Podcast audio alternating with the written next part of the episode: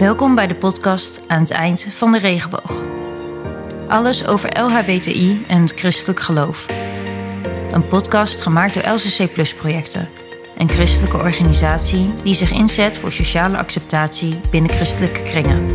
Mijn naam is Sanna de Boer, host van de podcast. Ik ben 28 jaar en projectmanager bij LCC Plus projecten.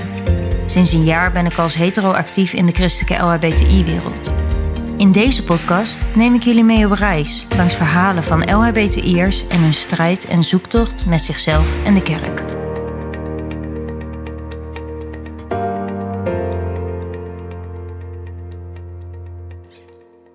Welkom bij de eerste podcast. Vandaag trappen we af met wel drie gasten, want laten we eerst eens even kijken hoe die eerste christelijke LHBTI-beweging tot stand kwam.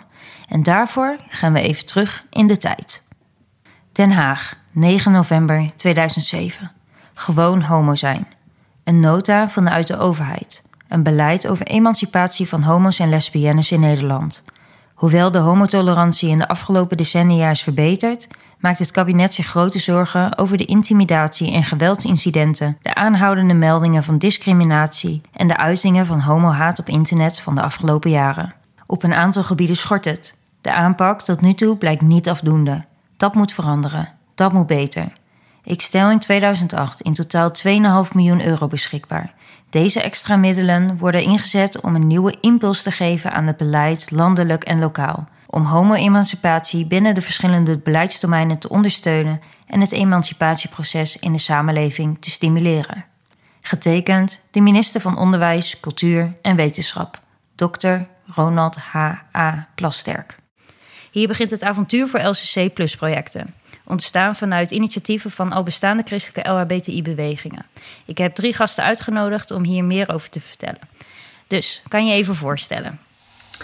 Mijn naam is eh, Willy Elhorst, ik ben 51, ik woon in Amsterdam. En in Amsterdam ben ik vervangend predikant in de Oranjekerk. En ik ben ook predikant in eh, Bussum voor de Wilhelminakerk. Um, en ik ben al um, ehm, 30 jaar betrokken bij wat we nu de christelijke LHBTI-beweging uh, noemen. Uh, sinds uh, 2008 bij de LCC Plus projecten. Um, nu als lid van de stuurgroep. En daarnaast ben ik nu ook onderzoeksvrijwilliger. En zoals we dat noemen, advocacy vrijwilliger voor het Europees Forum van Christelijke LHBT-groepen. Oké, okay, en dan hebben we ook een tweede gast, Gert-Jan. Ja, ik ben Gert-Jan van Leeuwen. 47 jaar jong. Um, woonachtig in Nijkerk. En uh, ik ben voorzitter van de, de LCC Plus stuurgroep. En ook voorzitter van Christen Queer. En dat is een vereniging voor christelijke LHBT's.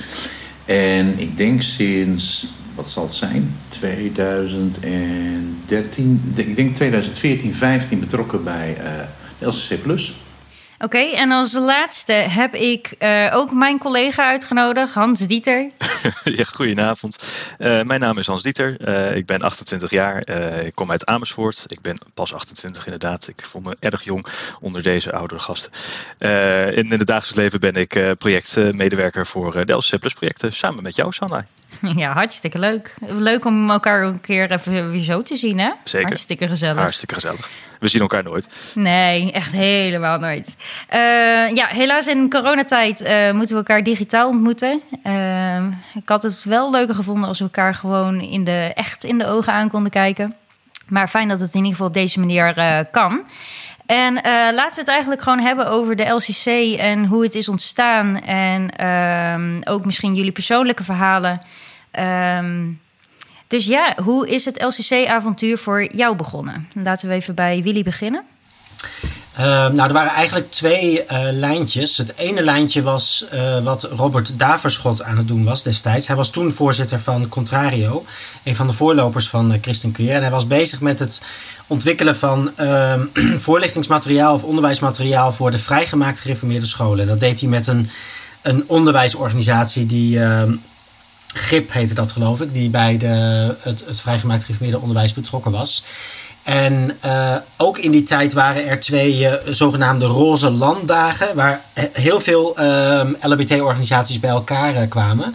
En waar het onderwerp religie ook veel meer dan voorheen op de kaart, kaart, stond. Niet alleen vanuit ons christelijke perspectief, maar ook vanuit islamitisch perspectief vooral.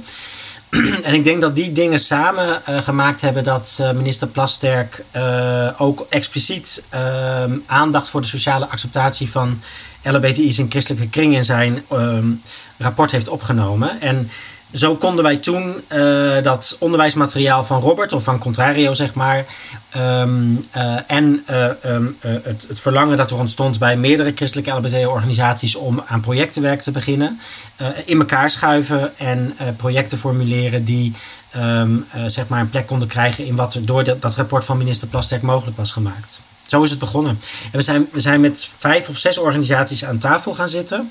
En daar zijn er drie van overgebleven: LKP, CEC en Contrario. En die zijn met, uh, als alliantie gestart uh, met de LCC-projecten. In 2008, toen kregen we onze eerste subsidie. Oké, om even duidelijkheid te krijgen in al die namen die je net noemde. Want ik raakte helemaal de weg kwijt toen ik ooit ging solliciteren. Um, dan heb je het LKP, dat is de landelijke koepelorganisatie. Ja, de landelijke koepelorganisatie van de christelijke LGBT-beweging. Die wel meer een, een uh, voortrekkende rol nam uh, in het contact met landelijke kerken en ook met de overheid. En, uh, maar, maar Robert, zijn naam moet echt genoemd worden. En Contrario hadden ook echt een leidende rol Ehm, eh, in die uh, besprekingen toen. En, en Contrario was een ledenorganisatie. Hè? Dus de, waar het LKP meer een koepelorganisatie is, belangenorganisatie, was Contrario meer een ledenorganisatie. En dat gold ook voor het CEC. En, en Contrario kwam meer uit vrijgemaakt gereformeerde hoek, CEC meer uit de mainstream, wat voor vroeger gereformeerde en vormde kerk uh, heette. En die drie organisaties vonden elkaar in, de, in die LCC-alliantie. En uh, wat waren dan de eerste projecten die uh, gingen lopen? Wat was er toen heel prangend? Nou, dat, dat, uh, het belangrijkste project was dat project voor het ontwikkelen van materiaal voor in het onderwijs. Eerst in de vrijgemaakt gereformeerde, vrijgemaakt gereformeerde voortgezet onderwijs. Later kwamen er ook andere scholen bij. Maar we hebben ook geld gekregen om de Pride Kerkdienst in Amsterdam te ondersteunen. We hebben uh, van dat geld gelijk een, een heilig bootje mee laten varen in de Canal Parade. Dat was ook onderdeel van de LCC-projecten. En nou, dat was allemaal vrij snel gerealiseerd. en andere projecten die een wat langere adem nodig hadden waren themadagen voor ambtsdragers, dominees, kerkelijk werkers en andere geïnteresseerden uit de wat traditionelere kerken. Zeg maar. Dat was eigenlijk voor het eerst dat dat gebeurde. Ehm, ja, zo kan ik nog wel een paar dingen noemen. Maar dus, dus uh, heel uiteenlopend van christelijke LBT's eh, samenbrengen in diensten of op zo'n boot. Daardoor de maatschappelijke discussie uh, ook aanwakkeren tot en met bewustwording en training via dat soort themadagen. En het ondersteunen van, van, van docenten in hun onderwijs over seksuele diversiteit. Heel uiteenlopend dus. En die uh, schoolprogramma, uh, dat is uiteindelijk Homo in de Klas? Ja, dat, dat heette gelijk Homo in de Klas. Zo hebben we het project genoemd. En Homo in de Klas staat nu op zichzelf. Hè. Dat, uh, maar dat, dat was de titel van het project in 2008. Tof. Gert-Jan, wanneer is voor jou het LCC-avontuur begonnen? Nou, ik zat even net te denken. Volgens mij iets van 2015. 2014, 2015. En wanneer, uh, hoe ben je daar betrokken bij geraakt? Nou, weet je, ik heb, ik, ik heb een beetje van. Um, ik, ik ben in, zeg maar, ergens in 2011, 12, misschien was het nou, zoiets, uh, lid geworden van uh, Contrario toen de tijd. Een van de clubs die net werd genoemd door Willy. Um, en eigenlijk ben ik eigenlijk toen ik daar een poosje lid, maar ik durfde niet naar de dagen toe. En op een gegeven moment ben ik naar een van de dagen gegaan, landelijke dagen. Nou, toen bleek daar wat uh, bestuur af te treden. En toen ben ik een beetje nou, langzaamaan in dat bestuur gekomen. Ik dacht, nou, misschien wel leuk om te doen. En toen rolde ik ook via dat bestuur van Contrario. Uh, ja, moest iemand afgevaardigd worden naar de, naar de, de stuurgroep van de LCC Plus. En zo ben ik die LCC Plus wereld ingerold. En uh, nou, dat was tot nu toe nog steeds een heel erg leuk avontuur. Ja, want even voor alle duidelijkheid, LCC Plus projecten heeft elke drie jaar nieuwe projecten die ze ehm, indienen bij de overheid. En die projecten dan drie jaar lang gaan uitvoeren. En dit is nu de hoeveelste projectperiode? Wie die vierde, hè? Ja. De vierde alweer. Vierde ja. alweer. Nou, ik ben blij dat ik ook eindelijk een keer mag aanschuiven. en dat ik ook uh, mijn steentje bij kan dragen. Um, Wat waren de projecten toen jij bij LCC kwam, Gert-Jan? Nou, toen ik bij de LCC kwam, uh, toen zaten we eigenlijk... Uh, dat was best een spannende periode, want het liep eigenlijk... de oude periode liep af, nieuwe periode ging beginnen... en er was al heel veel geschreven. Uh, dat was eigenlijk ook in de periode dat Hart van Homo's opkwam.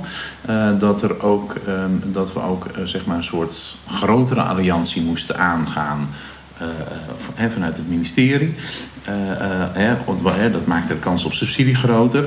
En ik weet nog wel dat we toen echt hele, ook binnen de groep, ook echt gewoon best wel pittige discussies hebben gehad van, uh, um, van hoe sta je erin? Hè? Voor mensen die zeg maar eigenlijk vanuit hun coming out en hun christen zijn, hun vrijheid hebben, hebben bevochten. Uh, tot van, hè, en toen kwamen we ook in discussie terecht, hey, hoe blijf je nou in gesprek met een doelgroep die jou minder accepteert. Hè? En was de essentie ook eigenlijk wat ik heel erg geleerd heb toen. Je moet de ander eerst willen luisteren naar de ander en de ander willen begrijpen. Je hoeft er niet mee eens te zijn, je kunt het zelfs zeer mee oneens zijn.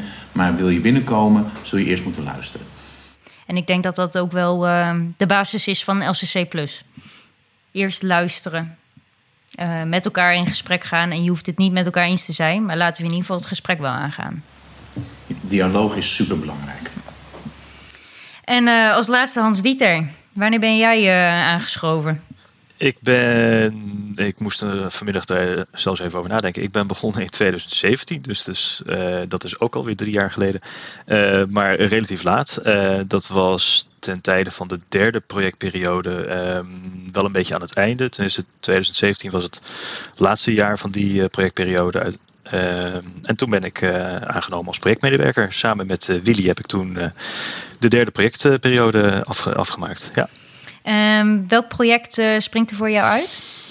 Oeh, dat vind ik dan wel weer een lastige. Um, in die projectperiode was uh, onder andere Homo in de klas, wat natuurlijk uh, doorliep uit het, uh, vanuit het verleden. er was een apart project voor gelovige transgender personen. Ehm, en er was een project voor evangelische geloofgemeenschappen en mensen uit het reformatorische kring. En ik denk dat ik daar wel het meeste affiniteit mee had. Uh, ik kom zelf uit Woudenberg, uh, ben opgegroeid in de toenmalige Nederlands hervormde kerk toen nog. Uh, wat opgegaan is in de PKN, maar het had een, een gereformeerde bondsignatuur. Ehm, dus ik, ik had uh, redelijk wat affiniteit met die doelgroep. Ehm, en dat was wel. het was soms ook heel lastig, maar het was ook wel heel mooi om te zien, om het, om het werk te zien wat daar verzet werd. En de gesprekken en de dialogen die daaruit uit voortvloeiden. Ja. Zeker. Um, Willy, wat is voor jou een uh, project wat je echt is bijgebleven? Um, nou ja, ik vond de, de heilige bootjes in de Canal Parade echt geweldig. um, want dat, dat mes sneed eigenlijk aan meerdere kanten. Hè? Dus uh, als christelijke LBT zit je eigenlijk tussen twee werelden in, zo zou je het kunnen zeggen. je, hebt het, je hebt het gesprek, het voortgaande gesprek met uh, de kerk en de geloofsgemeenschappen. Maar wij hebben ook een gesprek met de bredere LBT-beweging of de bredere LBT-community.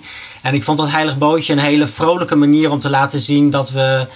Uh, zeg, maar, zeg maar ook midden in beide werelden staan. En Um, uh, het Heilig Bootje was bijvoorbeeld ook een platform uh, om Tweede Kamerleden mee te laten varen. Die we dan die we binnen konden halen als gasten, maar die we gelijk ook kritische vragen konden stellen.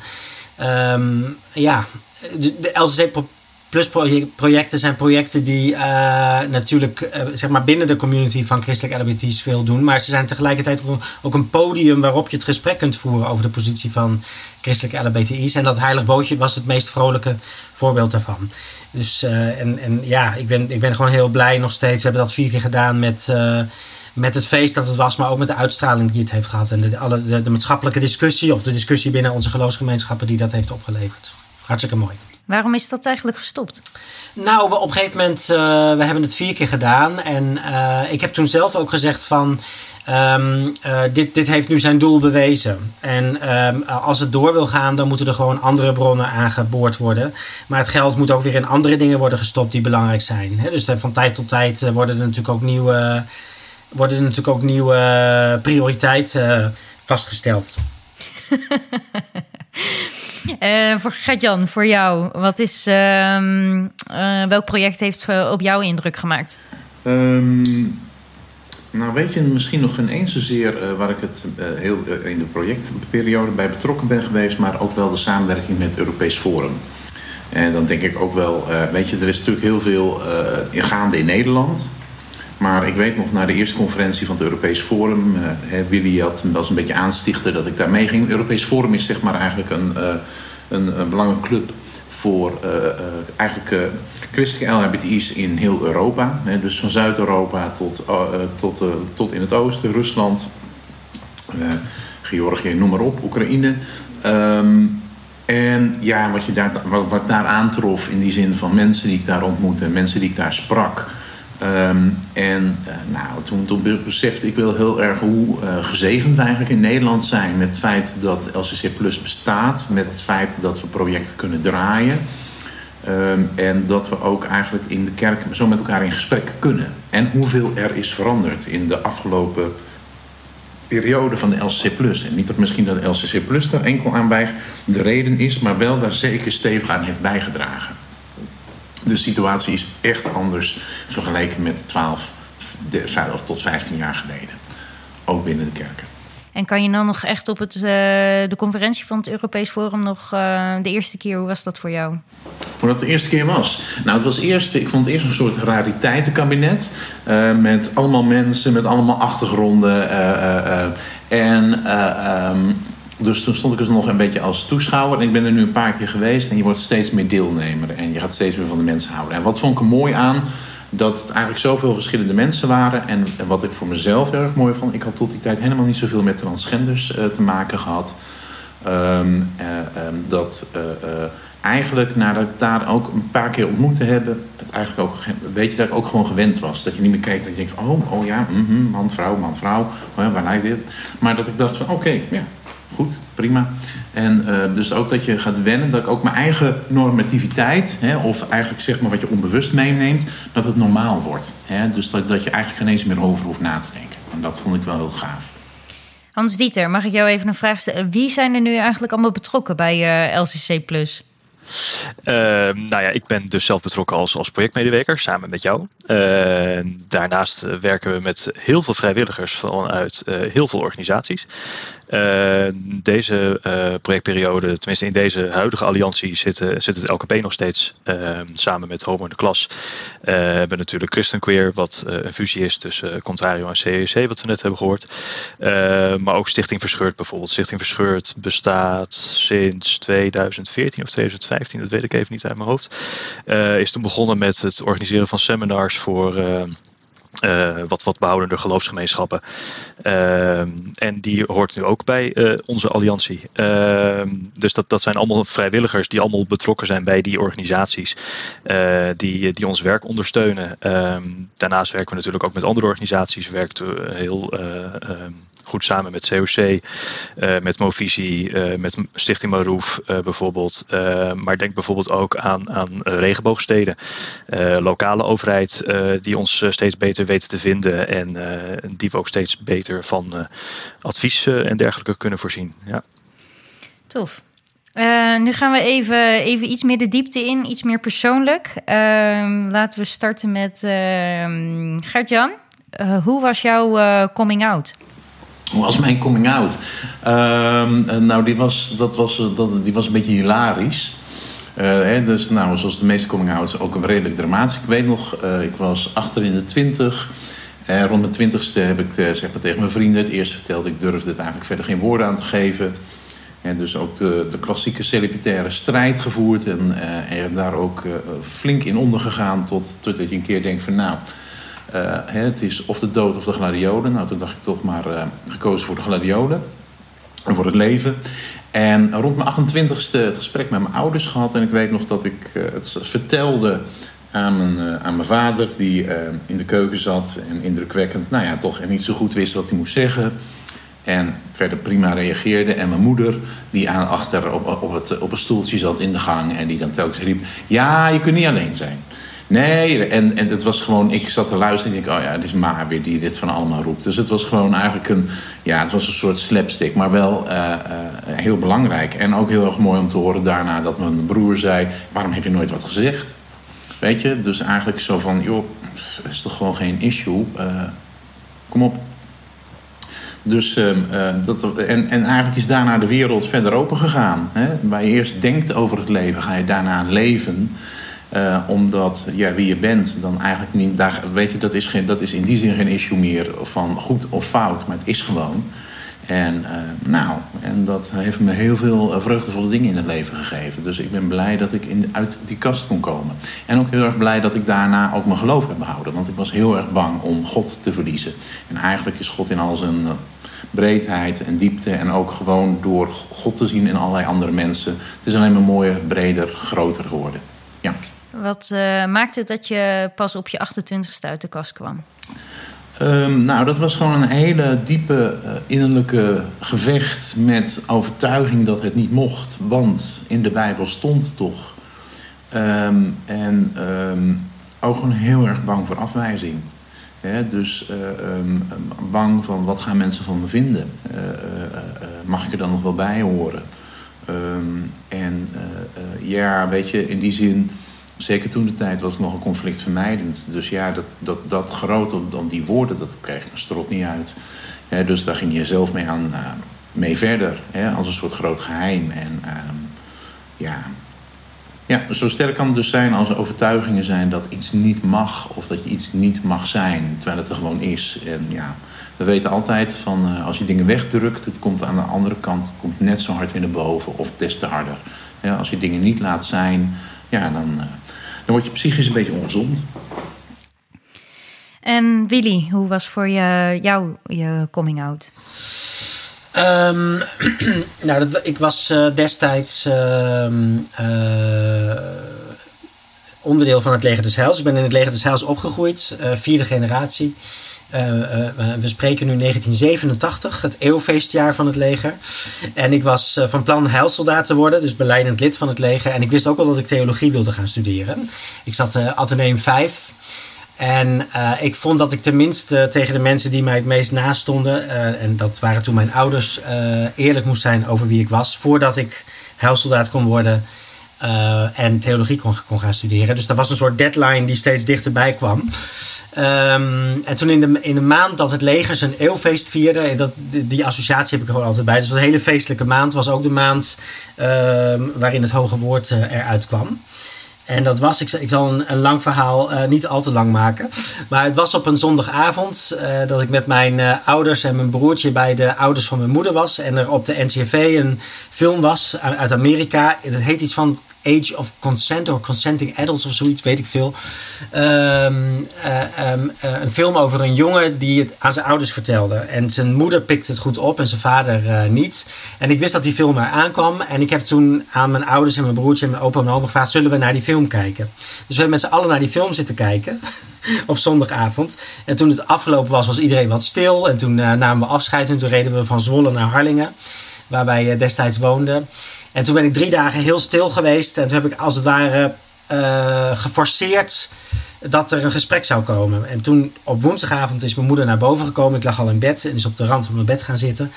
En toen stelde ze een paar vragen. Nou, dat was het niet, want ze wilde weten waarom ik zo stil was. En toen zei, zei ze: Is het soms zo dat je meer van jongens houdt dan van meisjes? En toen hoefde ik alleen maar ja te zeggen. Dus mijn moeder heeft als het ware mijn coming out voor me gefaciliteerd. En als ik, nu, als ik er nu op terugkijk, dan uh, vind ik die drie dagen heel betekenisvol. Ik heb drie dagen in het graf gelegen en uh, als het ware, zo, zo heeft het ook echt gevoeld. Het waren echt drie vreselijke dagen. Uh, en op die avond was er bevrijding. Het was echt, echt gigantisch. Ik was 18 jaar of zo. Het was een enorme uh, opluchting. Nou, diezelfde avond is mijn vader ook naar boven gekomen. En wij, wij zijn echt een knuffelfamilie. Dus we hebben flink met elkaar geknuffeld en tegen elkaar gezegd dat het allemaal wel goed zou komen. En dat was, dat was mijn coming-out verhaal. Um, maar de, de, mijn terughoudendheid om in de jaren daarvoor er, iets van te zeggen of over te zeggen, had bij mij niet zozeer met mijn geloof te maken. Ik heb eigenlijk nooit getwijfeld aan uh, de liefde van God voor mij, zullen we maar zeggen. Of, of dat, dat ik niet mee zou tellen. Maar ik was meer bang voor de consequenties die het in mijn sociale omgeving zou hebben. Dus ik was, zoals mijn ouders, van plan om ook officier te worden, dus voorganger in het leger. Uh, en ik zag de bijl hangen. En ik was met name bang dat dat uh, nou, allemaal niet zou lukken. En dat ik mijn sociale omgeving kwijt zou raken. En die, die, die dreiging was veel groter dan, uh, vragen die ik bij het geloof zou hebben, die ik gewoon eigenlijk niet had. Hans Dieter. Same question, neem ik aan. Ja, ja hoe was jouw coming Eh, out? ja, precies. Eh, ja, dan moet ik even denken hoor. Eh, ik kan niet Zo oud moment... ben je toch nog Ja, niet? en, en, en zelfs ik moet, en zelfs ik, en, en zelfs ik moet al nadenken. Eh, ik kan, zelfs ik moet al nadenken. Gert-Jan had jouw leeftijd, hè? Oh, ik ben pas ja, ja, 28, ja, het is slechts al. 13, 13, 14 jaar geleden, denk ik. Maar ik moet er al eh, wel over na. Hoe, hoe zat dat nou toch ook alweer? Nee, eh, ik kan denk ik niet een moment aanwijzen dat het, het, moment dat je het weet. Eh, het, het is zo'n cliché model van nou, eigenlijk weet je het altijd wel, maar op een gegeven moment kun je er een naampje aan geven. Ehm, het- dus ik, ik denk dat ik 15, 16 was toen ik het voor het eerst aan eh, familieleden ging vertellen eh, en aan wat vrienden. Een bijzondere situatie in deze is dat ik uit het gezin van eh, vier kom. Ik ben zelf de jongste eh, en ik, eh, we hebben slechts één hetero in het gezin. Dus wat dat betreft was het voor mijn ouders zoiets van: oh, nou oké, what, el- what else is nieuw? Ehm, eh, het feit dat mijn, mijn hetero broer zwaar in de minderheid is als we met kerst daar zitten, dat wrijf ik hem altijd maar graag in. Ehm, dus wat dat, betreft was het, wat dat betreft was het niet lastig. Was het een soort van een, een geplaveide weg. Ehm, tegelijkertijd ben ik ook niet iemand die, die zegt van eh, eh, ga eens even zitten, want ik moet je wat vertellen. Dus op een gegeven moment, eh, als, als men er naar had, zou vragen, dan zou ik dat bevestigen op antwoorden, maar ik zou het niet zo snel vertellen. Wat erin resulteerde dat op een gegeven moment echt 50-50 was. En eh, als ik dus een verjaardag eh, binnenstapte, dan moest ik echt even nadenken van oké, als ik naast jou ga zitten, jij weet het wel en jij weet het niet. Oké, dan moet ik dus even opletten. Nou, op een gegeven moment werd dat zo vermoeiend dat ik eh, op een gegeven moment met het maar wel aan iedereen heb verteld. Ehm, dus dat, dat zal geweest zijn toen ik 18 was, denk ik of zo.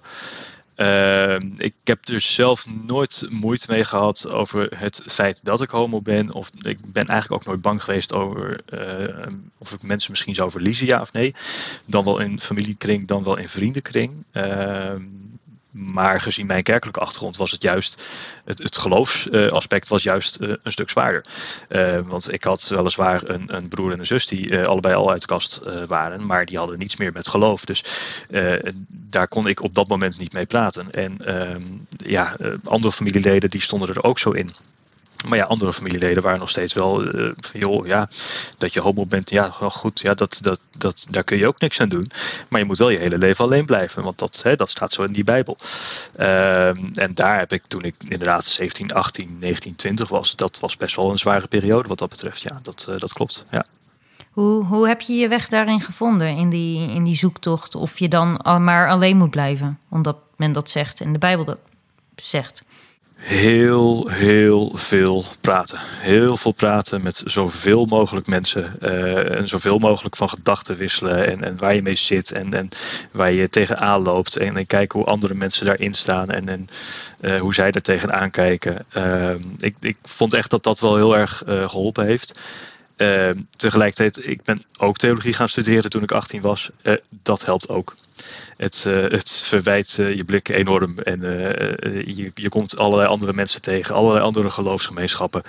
Ehm, en dat was ook gewoon voor mij persoonlijk was dat een openbaring. Gewoon het hele idee van, oh oké, er zijn dus nog meer denkbeelden. Er zijn nog meer visies op geloof en op die Bijbel en op de wereld en hoe dat allemaal werkt en zo. Uh, dat klinkt eigenlijk als, als, een soort van open deur intrappen, maar dat was het voor mij op dat moment allerminst. En dat was echt, ja, dat was wel echt een eye-opener toen, ja. ja. Tof. Dank jullie wel dat jullie uh, je persoonlijke verhaal hier uh, ook willen delen. Ehm, dan gaan we weer even weer terug naar LCC Plus. Ehm, zien jullie verbeteringen in de, de afgelopen jaren dat LCC Plus ook bestaat. En dat is inderdaad niet altijd per se te wijden aan LCC, maar uh, uh, zie je verbeteringen. En dan starten we even met Gert-Jan. Zie ik verbeteringen? Um, ja, ik, ik, ik vind dat de afgelopen vijf jaar uh, um, een soort verandering, een soort wave door Christelijk Nederland is gegaan. Of door een deel van Christelijk Nederland dat ze ineens er allemaal over begonnen na te denken, over begonnen te spreken. Alsof er heel veel is geïnvesteerd in al die jaren daarvoor. En ineens dan, dan komen al die zaden open. Um, en dat heeft wel gemaakt dat heel veel mensen bewust zijn gaan nadenken. Dat maakte nog niet altijd dat ze er misschien anders over gingen denken. Maar het, het werd veel meer bespreekbaar. En ook veel meer gemeentes die ook echt toen expliciet gingen zeggen: ja, weet je, iedereen hoort erbij. dus veel meer inclusief gingen denken, veel meer. Uh, dus dat vind ik heel mooi. En um, dat vind ik een belangrijke verandering. En wat ook een belangrijke verandering is, is dat je natuurlijk met de Nashville-verklaring. dat er ook een beweging op gang gekomen is die zeggen: ja, maar mogen wij dan niet meer vinden dat, dat je alleen moet zijn? En dat dat ook weer tot gevolg had dat heel veel mensen dachten: ja, en nu moet ik me toch uitspreken. Want uitsluiting en, de consequenties van uh, niet mogen zijn wie je bent. Uh, en dat betekent dus ook dus niet uh, mogen doen wat je voelt. Hè, want dat is ongeveer hetzelfde. Um, dat daar ook weer mensen zich voor gingen uitspreken. En ook weer christen. Dus dat, ja, en, en ook weer dat er zoveel nieuwe clubs en nieuwe initiatieven zijn ontstaan in de afgelopen jaren. Dus ja, ik vind het ongelofelijke rijkdom. Dus er is echt veel veranderd. Er is nog steeds veel te doen. Hè, want um, er zijn nog steeds mensen die opgroeien in de situatie. Uh, zoals ik me voelde op dat moment. En van binnen voelen dat hè, zichzelf eigenlijk veroordelen. En in hun omgeving eigenlijk een soort impliciete veroordeling op wie ze zijn voelen. Um, maar er is superveel veranderd. En uh, ja, dat vind ik gaaf. Tof. En voor uh, Hans Dieter, voor jou, wat zie jij aan verbeteringen? Ik denk uh, er zijn een, hele hoop dingen gaande inderdaad. En ik denk dat echt het belangrijkste is dat het gesprek gewoon steeds meer gevoerd wordt en dat de dialoog uh, er, steeds meer is. Uh, dus uh, Gert-Jan noemde net al de Nashville-verklaring. Ehm, die was begin 2019 uitgekomen. Ehm, dat was wel weer echt even een klap in het gezicht. Tegelijkertijd, als je zoiets positiefs zou kunnen duiden, dat betekent wel dat wij ook echt iets goeds aan het doen zijn. Met heel veel mensen en met heel veel clubs. Uh, het, het, idee dat, dat mensen denken van, oh, ik, ik moet me daar tegen gaan uitspreken. Ja, dat zouden ze niet doen op het moment uh, dat wij niet steeds meer zichtbaar zijn in, in kerken en geloofsgemeenschappen. Dus zo probeer ik dat altijd maar even te duiden. Ehm, en ik denk wel dat, dat ehm, men elkaar steeds beter weet te vinden, juist ook in die dialoog. Dus uh, we zijn steeds beter in staat om een soort van common ground te vinden, dat we tegen elkaar kunnen zeggen van oké, misschien zijn we het inhoudelijk niet met elkaar eens op, op bijbels-theologisch vlak of, of sociaal-cultureel vlak of, of, misschien nog op meerdere dingen. Maar hoe kunnen we nou wel samen verder? Hoe kunnen we er nou wel voor zorgen dat we bijvoorbeeld een, een veilige kerk kunnen creëren? Dat we ervoor kunnen zorgen uh, dat er een open klimaat is waarin mensen uh, zichzelf kunnen zijn en waarin mensen dat ook uh, kunnen en durven delen met anderen. Ik denk dat, dat dat echt wel een, een, een verrijking is van, van de afgelopen jaren. Ja, en, wat Gert-Jan ook zei, er, zijn zoveel clubs, zoveel initiatieven, zoveel organisaties uh, bijgekomen die, die zoveel goed werk verzetten. Um, ja, het, het, is eigenlijk, het, is ook, het thema zelf is ook gewoon niet meer weg te denken eigenlijk. En ik denk dat dat uh, echt wel een verbetering is ten opzichte van uh, tien jaar geleden. Ook al was ik toen nog maar jong en zat ik nog maar op de middelbare school. nou, ik denk dat ik uh, toen ik jullie leeftijd was, 15, dat ik nog echt nog steeds geen benul had dat dat überhaupt kon. Ik weet nog dat ik een. Uh, een uh, oppas had. Uh, als mijn moeder naar de kerkdienst was. Nou, dan was ik wel iets jonger. Maar dat, uh, had ik een oppas. en toen... Ehm,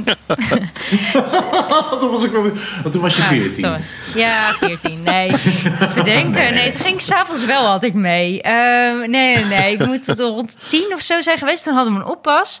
En ik weet nog, want het was een stel. En ze gingen om en om wel eens oppassen bij ons. En ik heb me echt jarenlang afgevraagd wie nou de man was en wie nou de vrouw was. Want ze hadden alle twee borsten. Maar mijn hoofd kon het niet. Ik moest het definiëren in een man en in een vrouw. Maar uiteindelijk heb ik de conclusie getrokken: ah, oh, het zijn twee vrouwen. Oh, dat gaat dan ook blijkbaar samen.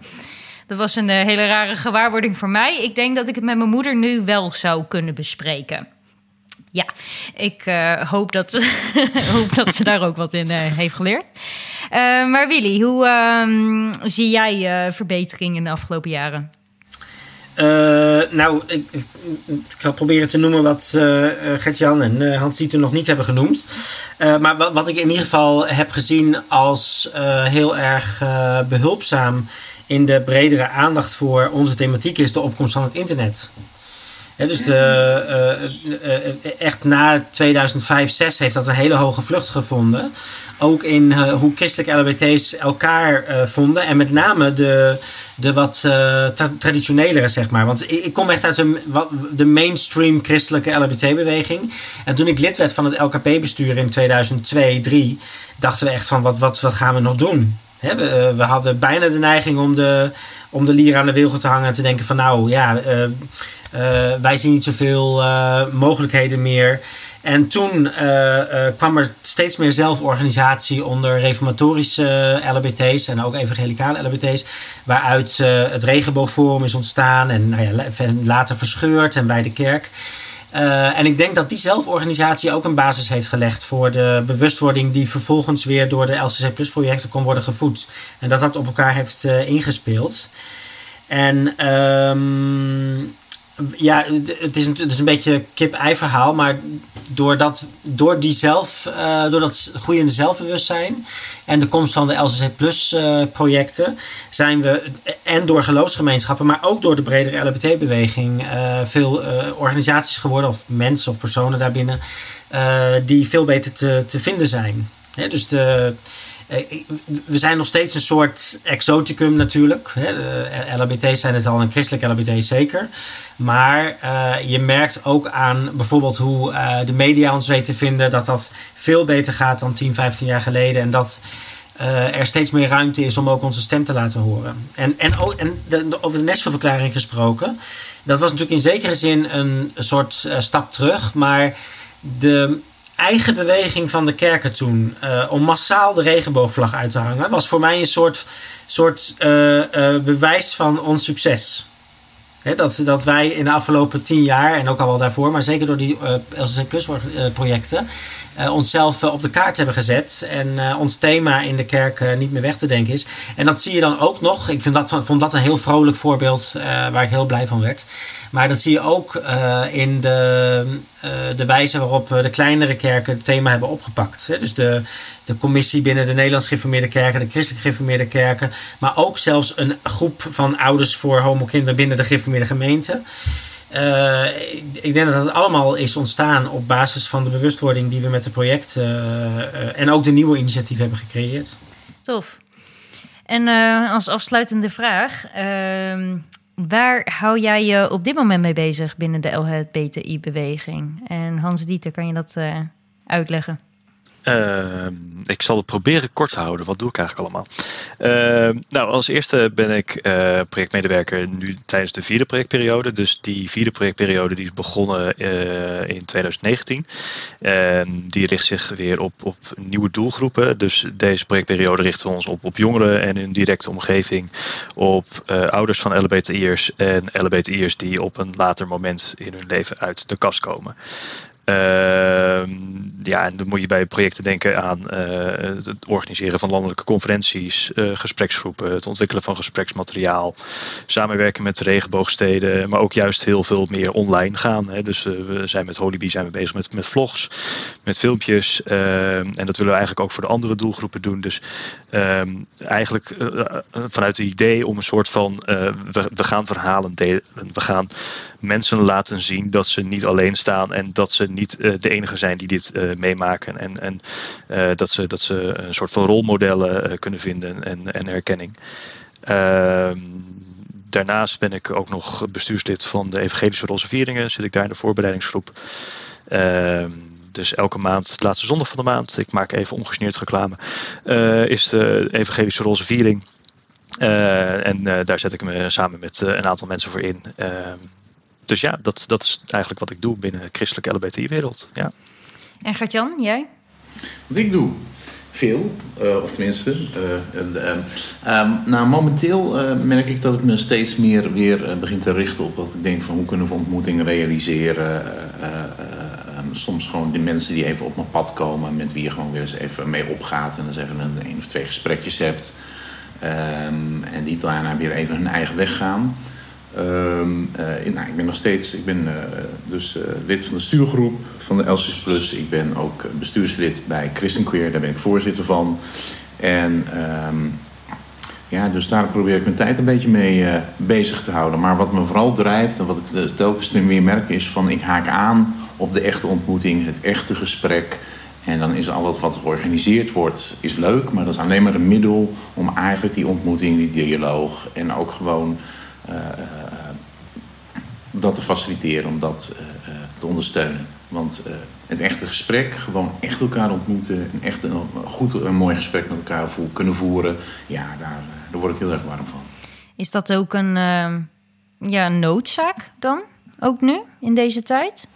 Ja, ja, want ik geloof dat nog steeds. Uh, nou, onlangs sprak ik nog iemand vanuit de gereformeerde gemeente. Nou, toch echt wel in de knoop zat. En ik denk dat het heel belangrijk is dat, uh, dat je daar mag kunt meedenken en even mag mee, meelopen. En dat alleen al het feit dat ik dan mag zeggen: joh, weet je welk pad je ook kiest, als het maar jouw pad is en als je echt in onderzoek echt bij jezelf wat jij wilt en neem je gevoelens en wat je, wat je wilt heel serieus. Nou, weet je, als mensen dan twee stapjes zetten, nou, dan ben ik al gelukkig. Dus ja, dat vind ik heel belangrijk. En Willy, waar ben jij uh, zoal mee bezig? Uh... Wat niet, hè? ja, ik, uh, ik vond het heel leuk om um, uitvoerend betrokken te geweest te zijn bij de LC Plus projecten. Maar ik vind het nu ook wel weer prettig om bestuurder te zijn, zullen we maar zeggen. En nu dan vanuit het Europees Forum, om op die manier te volgen wat er allemaal gebeurt. Ik ben er ongelooflijk trots op dat dat, dat, dat nog steeds doorgaat. Uh, maar praktisch ben ik uh, vanuit mijn LHBT-predikantschap in Amsterdam organiseer ik de, Pink, de Pride Kerkdienst en de Pink, Christmas Kerkdienst. En de waken ter gelegenheid van de internationale dag tegen uh, homofobie, bifobie, interfobie en transfobie. En die hebben we net weer gehad op 17 mei. Um, en in Amsterdam sta ik ook ontzettend veel mensen te woord. Soms is het wel twee per week van studenten tot en met uh, uh, transpersonen die eens met me willen doorpraten over wat er in de Bijbel zou staan. en dan weer een, een leider in een evangelicale geloofsgemeenschap die ondersteuning wil. Dat is zeer uiteenlopend, maar dat is allemaal op, op individuele basis. Um, en verder ben ik voor het Europees Forum nog steeds erg druk. Niet meer als bestuurder, maar nu als advocacy vrijwilliger. Uh, nu even niet, maar ik ga normaal gesproken als er geen uh, uh, corona is, twee keer per jaar naar de Raad van Europa. waar wij de enige christelijke LHBT-organisatie zijn. En waar we proberen de brug te slaan tussen discussie over bijvoorbeeld vrijheid van religie en LHBTI-rechten. wij zitten daar als gelovige LHBT'ers tussenin. En we hebben bijvoorbeeld in Straatsburg een side-event mogen organiseren. waarin we hebben geprobeerd praktische stappen te uh, formuleren. om die, die kloof te overbruggen. En om te laten zien dat het niet of-of is, maar en-en kan zijn. Nou, dat staat allemaal heel erg in de kinderschoenen nog. Maar uh, het lukt ons al wel om daar een zekere aanwezigheid op te bouwen. En dat is heel erg leuk om te doen. Uh, in die hoedanigheid ben ik ook naar Genève geweest voor de Verenigde Naties om over conversietherapie te spreken. Dus dat is een, uit Amerika geïmporteerde term, maar het is een praktijk die ook in Nederland voorkomt onder hele verschillende gedaanten. En daar kon ik, uh, ik was daar de enige vertegenwoordiger van belangenorganisaties, maar er zaten 40 landen in de zaal en daar kon ik iets vertellen uit ons perspectief over wat het is om christelijk LHBT'er te zijn en hoe schadelijk dit soort praktijken en, uh, en therapieën zijn. Maar ook hoe moeilijk het is om uh, te werken aan een goed uh, wettelijk verbod. En dat daar ook veel meer voor nodig is dan een verbod alleen. En het andere project waar ik nu mee bezig ben, is een onderzoeksproject voor het Europees Forum. Het Rainbow Project. Dat doen we samen met de Protestantse Theologische Universiteit. En we proberen in de komende maanden in kaart te krijgen wat de stand van zaken is als, als het gaat om de emancipatie van LHBTI'ers binnen de Europese kerken. Dus daar schrijven we alle is nog wel een, een enorme duw- en trekwerk, maar we hopen dat het gaat lukken. We schrijven daar alle lidgroepen van het Europees Forum voor aan. Uh, en uh, we hopen dat zij ons willen helpen met het, uh, bij, bij het verzamelen van de data. En dan hebben we voor het eerst een soort objectief instrument in handen waarmee we kerken en andere gesprekspartners kunnen laten zien: dit is de stand van zaken. Waar we tot nu toe eigenlijk vooral verhalen van mensen hebben. En die zijn ook zeer waardevol. En die moeten, verzameld, moeten we steeds blijven verzamelen. Maar um, we moeten ook als organisatie die ook ondersteund wordt met subsidies, uh, met serieuzere feiten, zullen we maar zeggen, op tafel komen die laten zien uh, wat, wat onze positie is. Ik denk dat het ook uh, genoeg is om nog een keer een podcast over te maken. Wat er allemaal in Europa gebeurt. En zeker ook de verhalen. daar ben ik ook zeker wel benieuwd naar. Ehm, in Nederland ken ik die situatie natuurlijk wel. Maar Europa, dat is wel een beetje ver van mijn bedshow. Dus laten we daar zeker nog een keer over doorpraten. Heel interessant, ja. Zeker. ja, dat was het eigenlijk oh. voor deze podcast. Ja, Oh, we zijn ja. er ineens al. We zijn ja, er al. Volgens mij kunnen we echt nog uren doorkletsen hoor. Want ik, mijn hoofd heeft echt nog honderd vragen. Time Dus, flies eh, when you're having fun. Ja, nou dat was het. Dank jullie wel. Ja, Ja, jij ook bedankt. Bedankt. Ja, Dankjewel. super fijn.